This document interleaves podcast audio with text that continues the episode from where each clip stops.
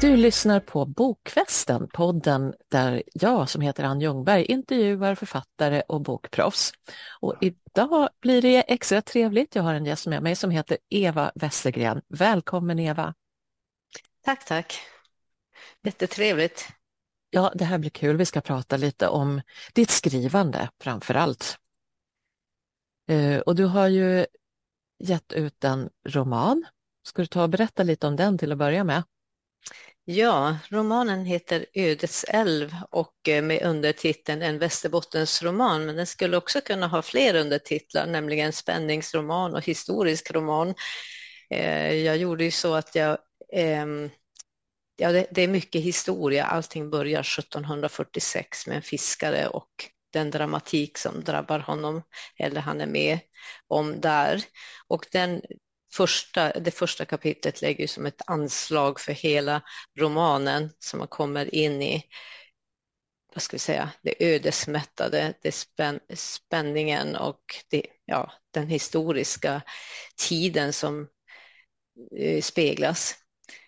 Eh, ja, och eh, det, vi har ju då en huvudperson i nuet, Eliana, som plötsligt en dag hittar en nyckel vid Umeälvens strand och blir besatt. Hon som brukar vanligtvis vara så kontrollerad och har fullbokat schema, massa post-it-lappar.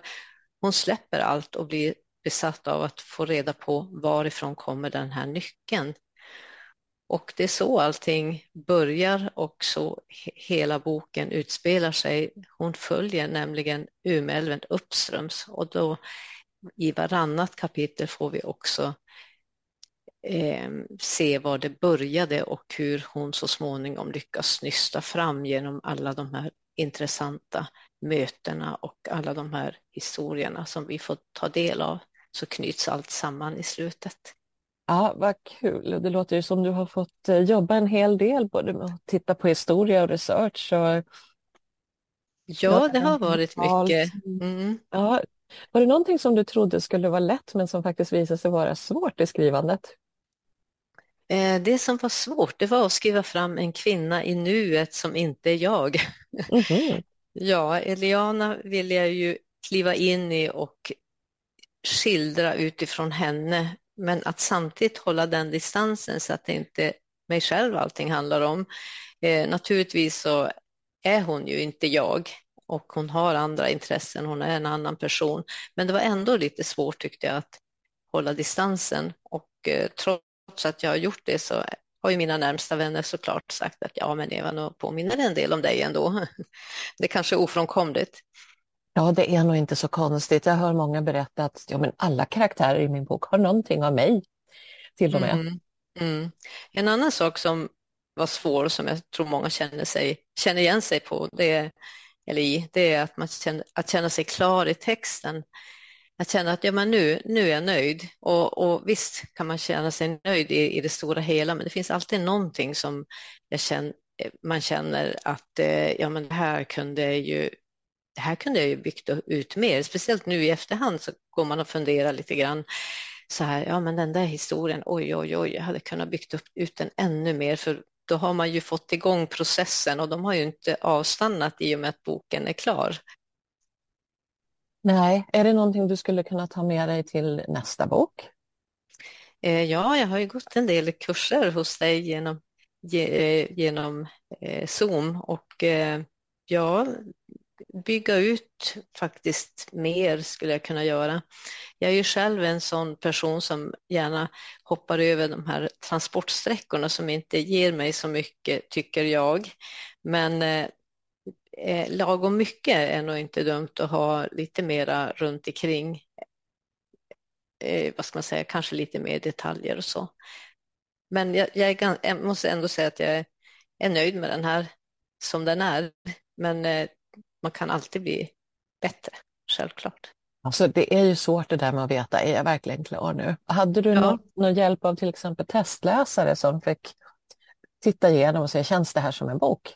Ja, jo då, jag hade flera stycken eh, och eh, en väninna som jag bollar mycket idéer med och så, det var väldigt värdefullt väldigt värdefullt att få prata om boken med någon och så. Och sen har jag ju haft andra som har kommit med värdefulla eh, ja, till vad ska man säga, värdefulla inslag som, har, som jag har fått också intervjua för att kunna få en ännu bättre eh, kunskap i det jag skriver så att det blir så korrekt som möjligt. Mm. Mm. Var det någonting du trodde skulle vara svårt men faktiskt visa sig vara lätt? Ja, jag, jag tänkte inte så mycket på slutet när jag började skriva och jag har inte gjort så som vissa andra författare gör att under en promenad så tänker man fram boken och så går man hem och skriver ner en, en, eh, ett utkast ehm, eller skriver ner sina idéer utan det har kommit hela tiden efterhand. Och sen någonstans när jag var i mitten av boken började jag tänka, ja men hur ska den sluta nu den här? För att ha ett bra slut är ju lika viktigt som ett, en bra början, kanske ännu viktigare. Ehm, och, ehm, men det var, det var inte så svårt, det var inte lätt, men det var inte så svårt som jag föreställde mig för att det, det är liksom i processen så växte slutet fram och också i bollande med, med eh, tankar och med min min väninna och andra nära mig som jag har bollat olika idéer och tankar med. Aha, så det okay. har varit värdefullt. Mm. Ovärderligt att ha någon och eh, kanske få höra sig själv säga att så här kan det bli och så låter det bättre redan. Ja, mm. precis. Och mitt allra största stöd i hela processen var min mamma som har trott på mig ända från början och peppat mig och stöttat mig. Och hon hann få boken i sin hand och jag hann läsa några kapitel för henne innan hon gick bort och det tyckte ja, jag var underbart. fantastiskt fint. Mm. Mm. Härligt, du hade en mottagare där. Mm. Hur kommer det sig att du skriver överhuvudtaget? Ja, det har nog funnits med mig hela mitt liv det började nog med berättandet. Jag älskade att berätta för hela min omgivning olika saker och eh, olika fantasihistorier. Och, eh, vi bodde i Liberia när jag var barn och eh, då hade vi en katt som hette Peter och han var en bra lyssnare både till mina fantasiberättelser men också för de sagor som jag läste för honom. Och eh, sen när, vi kom, när jag kom tillbaka till Sverige och Kiruna så kryddade jag på olika berättelser och historier från eh, Liberia som min pappa hade varit med om och mina kompisar satt där med mig högst upp på Snöberget utanför skolan och, och lyssnade fascinerat. Så det är ju läsandet, berättandet eh, och fantasin, de tre ingredienserna som tillsammans har eh, lett till att jag har skrivit allt mer och sen är det ju då ingen slump att jag blev lärare i svenska. Jag jobbar ju som adjunkt på universitetet och undervisar i svenska för Eh, internationella studenter numera. Och det har också varit väldigt, alltid väldigt lik, vad ska vi säga, roligt och spännande jobb det också. Och sen har jag jobbat som redaktör som, så att jag har jobbat mycket med texter på det sättet också. Ja, och det låter ju fascinerande det här med kontrasterna mellan Kiruna och Liberia. Ja, det var ju ganska stora skillnader. Ja, vad har du mest tagit med dig därifrån, från Liberia?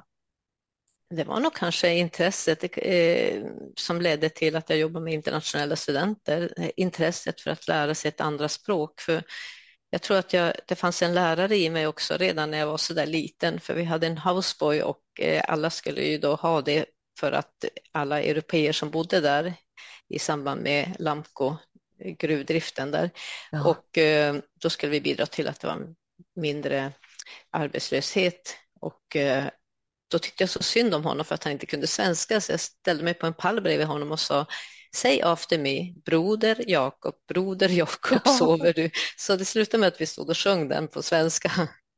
Då var jag bara fyra år. Så att, ja. Jesus, jag ser en hel roman där också.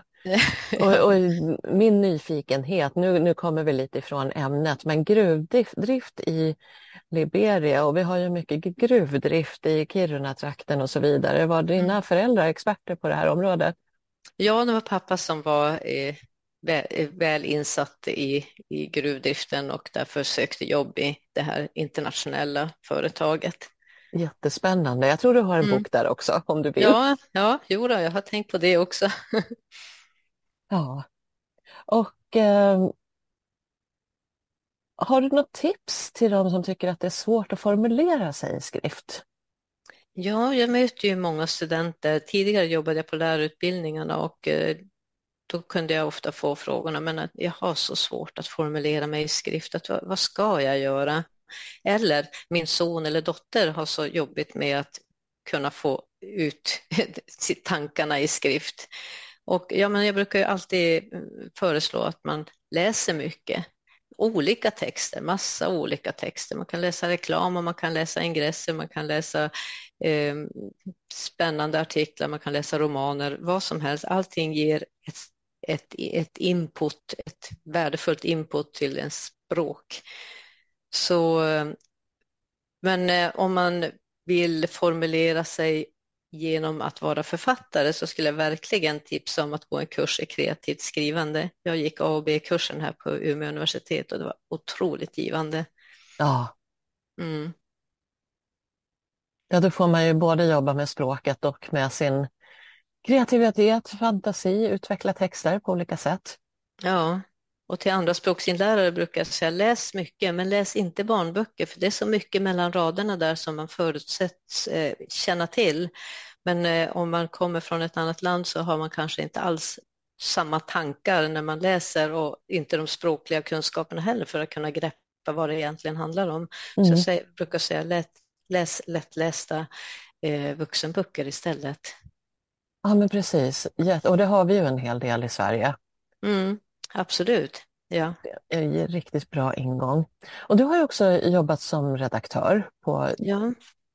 några olika förlag? Ja, det är några olika förlag, några av våra större förlag. Ja. Och då har det handlat om läromedel i, i, vissa fall, men ändå i andra fall så har det handlat mer om korrekturläs. Eh, och eh, roligast var ju när jag jobbade tillsammans med gymnasielärare och vi utarbetade två, två böcker tillsammans för SFI, C och D. Det var jätteroligt jobb. Så då var det både innehållsredaktör och textredaktör. Ja, har du lust att berätta lite? För det här tror jag många är nyfikna på. Vad gör en redaktör egentligen? Ja, man gör ju väldigt mycket. Men om man, är, ja, man kan ju vara redaktör på olika sätt. Man kan ju vara då korrekturläsare i första hand. Då. Och då, då sitter man ju och lusläser flera gånger om och, eh, men jag har haft förmånen att kunna komma med synpunkter också och då har jag gjort det. Jag har gett förslag. Det är ju jätteviktigt att man inte bara säger så här ska det vara eller så, utan jag har gett förslag och det har jag gjort som redaktör för, jag var i åtta år var jag redaktör för en föreningstidning, ett riksförbund mm. för lärare i svenska som andraspråk. Och eh, då jobbade jag mycket med lärare och forskare som skickade in artiklar som jag hade skickat en förfrågan om de var intresserade av att skriva kring något speciellt tema. Och då är det ju jätteviktigt också att man skriver att jag börjar med helheten, att vad man tycker att, tycker att texten den här passar väldigt bra i temat eh, och här kommer mina förslag. Och så ger jag då förslag och sen så markerar jag vissa saker och, som är rena stavfel eller grammatiska fel. Det, det markerar jag och skriver in då det rätta ordet i marginalen så att de har möjlighet att rätta sig själv istället för att jag ska sitta och rätta åt dem. Det brukar också vara lärorikt för de som skriver.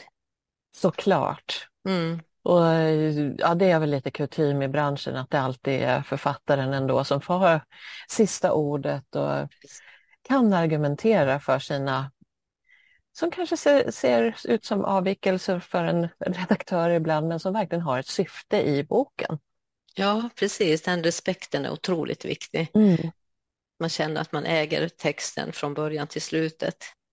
Ja, samtidigt som många författare säger till mig också att det är en sån ynnest att få jobba tillsammans med någon annan, som en redaktör eller en författarcoach eller allting däremellan. Ja, det är jättebra få, få andra upp, ögon. Ja, mm. just få upp ögonen för sin egen text. Absolut. Man blir lite blind på den ibland och Även om man har klarat av att utveckla innehållet väldigt bra själv så behöver man ju alltid en korrekturläsare på slutet. Absolut, och sen har vi de där darlings som eh, man, man kryddar boken med utan att vara medveten om och sen när man tycker på skriver in ordet på sök och så hjälp, oj oj oj så många gånger jag nämner, använder just det där ordet och det är ju väldigt väldigt bra om någon upptäcker det. Ja, och då måste jag fråga lite grann om ditt eget skrivande. En del vill ju att texten ska bli perfekt från början och man redigerar och redigerar under skrivandets gång. Medan andra tillåter sig att fulskriva för att faktiskt komma till slutet ganska snabbt och sen sätta igång med redigering, kanske i flera vänder. Hur jobbar du? Mm, jag gör som det första exemplet mer att jag skriver, jag skriver på så att jag behåller idén och flytet. Eh, för mig funkar det bäst. Eh, och sen började jag redigera och första utkastet skrev jag för hand så det blev ganska många sidor. Och sen andra utkastet när jag hade gjort klart det så, eller så långt som jag ansåg var klart då, så skrev jag om det för hand en gång till. Och det mm. hade sina, sin förklaring till att för att jag hade ingen dator i sommarstugan, jag hade inga sådana möjligheter. Eh, och eh, för det första utkastet skrev jag för ganska länge sedan. Och sen eh, så återvände jag då till datorernas värld i stan och då tog jag ju och skrev, ja men då redigerade jag om och om igen och sen när jag hade gått de här kurserna i kreativt skrivande och pandemin kom, då kände jag att nu har jag tid och nu ska jag slutföra det här. Så då gjorde jag en rejäl redigering genom hela, alltså gick igenom hela texten ytterligare en gång för att det ska kännas riktigt rätt. Sen har jag korrekturläst hela texten också såklart, så att det är många vändor, det är det. Det är det ja. största jobbet nästan. Det är, men det är ju lustfyllt det också, för man hittar ju nya, man ser en mening som, jag brukar ofta läsa högt. Det, det brukar bra. vara bra för att höra flytet. Det brukar också rekommendera mina studenter att läsa mm högt så hör du om det, om det är någonting som känns knöligt eller fel. Och eh, då kanske man hittar det precis perfekta ordet i som passar så bra i den meningen och det är ju verkligen en fantastisk känsla när meningen sitter där. Den skulle inte kunna bli på något annat sätt. Den här är toppen, den speglar allt jag vill säga i det sammanhanget. Det är verkligen en höjdpunkt i skrivandet. Ja, och ett toppentips för alla som skriver. Och det är också jätteintressant det här att du har skrivit för hand. Det blir lite en annan tankeprocess då. Sitter man med datorn så är det så lätt att bara, nej, jag stryker här, jag flyttar där till något annat ställe, jag hoppar och, och snurrar och allting går att redigera omedelbart på datorn. Men skriver du för hand, då behöver du liksom ha ett flöde i det. Ja, men man skulle ju inte kunna sitta och redigera för hand, det skulle bli alldeles för tidskrävande. Ja, men, men, jag precis. håller med om det där, pennan mm. mot pappret. Eh, det är en, en, process mellan hjärnan och skrivandet som jag tror är obetalbar. Ja, och sen när du väl för in det i datorn, då blir det ju en redigeringsvända i sig själv. Jag, har, jag kan tänka mig att det blir lite annorlunda bara att lägga in det i datorn och säga, nej men så där vill jag inte ha, jag skriver så här istället. Absolut, absolut. Mm. Oh, jag blir lite sugen på att ta till det till mitt nästa skrivprojekt faktiskt. Jag gillar att skriva ja. för hand. Men alltså, man har blivit lite bekväm. Det är ju bekvämt med datorn. Ja, det är ju jättesmidigt naturligtvis. Man kan ju laborera, flytta stycken kors och tvärs, men man, det tar ju framförallt inte lika mycket tid. Det gör det ju inte. Men ska man bara skriva ett utkast, ett allra första utkast, så, så ja, det är inte dumt att skriva för hand. Nej, och jag pratade med en författare av den gamla skolan, nämligen Faye Weldon, som sa att hon kunde se om en person hade skrivit sitt manus på skrivmaskin eller på dator. För på, I skrivmaskin, lite samma som när man skriver för hand, så ville man inte stanna till och rätta och liksom, det var ju tippex och sånt. Utan det gällde det att ha, följa sin tanke Ja, Medan hon kunde se att det kunde vara lite mer upphackat om man har börjat skriva på dator. Ja, vad intressant. Mm. Mm. Så jag tror du har någonting där med att skriva för hand, absolut. Ja, precis. Ja, nej men ja. jättekul och lycka till med att nå ut till alla människor som bör läsa Ödets älv. Vad tänker du målgruppen där förresten? Ja, min målgrupp har alldeles, eller vad ska jag säga, helt från början varit alla som vill läsa den och det har faktiskt fungerat. Det är unga, gamla, eh, män, kvinnor som har lovordat den lika mycket och det är väldigt, väldigt roligt eftersom jag hade tänkt mig det. Så. Men min största utmaning det är ju då som författare och sen när boken blev tryckt och, och gavs ut så är jag ju också marknadsförare av min bok och då har man ju fått vara modigare än man egentligen är. Eh, och det har ju varit spännande. Så det är så mycket liv efter att boken har getts ut. Det sociala ah. livet med alla besök och alla samtal om förr och nu. Och jag har varit på så många olika slags ställen också hittills. Så det, det har varit väldigt, väldigt roligt. Och vad har du gjort då för att få komma till de här platserna och hålla föreläsningar och så vidare? Jag har eh, dels skickat mejl där jag har presenterat mig och skickat en bild på både mig och boken och, och, att jag gärna kommer på ett besök om de är intresserade och sen har jag ju skickat ut frågor till mina, alla mina vänner och väninnor om de känner till något sammanhang där det skulle kunna passa och så. Eh, och sen jag bara trampat in eh, på en eh, hemslöjdsaffär och frågat, ja men är ni intresserade? Jag tror att den här boken skulle passa jättebra att sälja just här eftersom den är eh, kopplad till Umeå med omnejd. Så, och eh, ja, och så vidare. Alltså det här så, låter både modigt och lustfyllt och jag tror att du inspirerar ett helt gäng författare och blivande författare som lyssnar nu.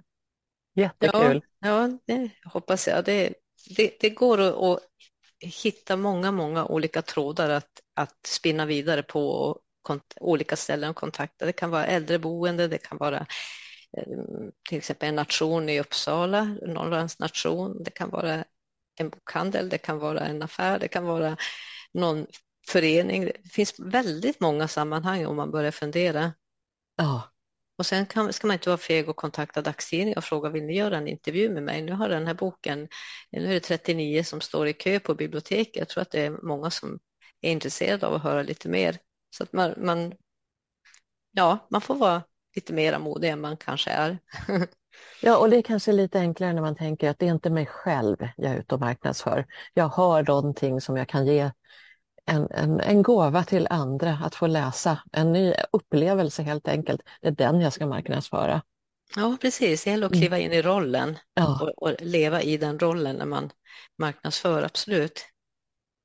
Ja, men det, det ska bli kul att följa ödets älvs väg här ut till den stora publiken, vilket jag verkligen hoppas att det blir. Ja, tack. Mm. Jättekul. Tack att du ville vara med här i Bokfesten. Ja, tack så mycket.